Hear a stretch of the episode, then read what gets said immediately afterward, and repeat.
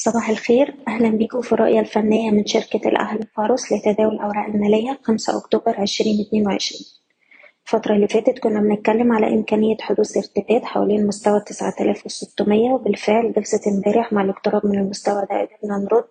قفلنا عند هاي الجلسة 9923 بارتفاع 2.5% أحجام التداول امبارح كانت متوسطة لكن كان في شراء في أغلبية أسهم السوق.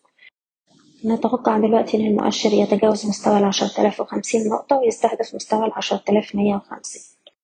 وبالنسبة لل CIB اتكلمنا على مستوى الأربعة وعشرين جنيه وتلاتين قرش. طول ما إحنا فوق المستوى ده إمكانية الارتداد هتظل قائمة.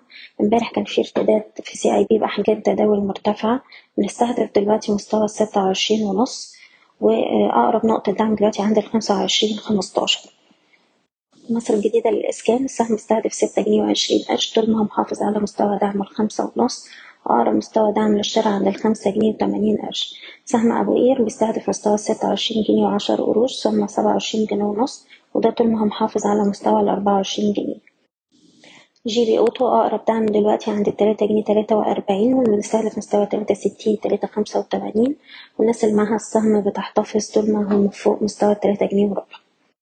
سهم e-finance بنستهدف أربعتاشر ونص أربعتاشر تمانين ونقدر نشتري حوالين تلاتاشر جنيه وتمانين قرش ونحط ال stop بتاعنا تحت التلاتاشر جنيه وعشرين قرش. سهم فوري أقرب دعم دلوقتي عند تلاتة ستين ومن هنا شايفينه يرد تلاتة خمسة وتسعين ونحط ال stop loss بتاعنا تحت التلاتة جنيه اتنين وأربعين. سهم النساجون امبارح كان فيه ارتفاع بأحجام تداول عالية عندنا دعم عند ستة جنيه وستين قرش ومن هنا بنستهدف ستة جنيه خمسة وتسعين وسبعة عشرة والناس اللي معاها السهم بتحط إيقاف الخسائر تحت الستة جنيه وتلاتين قرش. وأخيرا السهم السويدي أقرب دعم عند السبعة جنيه وستين قرش وشايفين من هنا السهم يرد لحد التمانية عشرة بنحط إيقاف الخسائر بتاعنا تحت السبعة جنيه خمسة وتلاتين. بشكركم بتمنى لكم التوفيق. إيضاح الشركة غير مسؤولة عن أي قرارات استثمارية يتم اتخاذها بناء على هذا التسجيل. شكرا.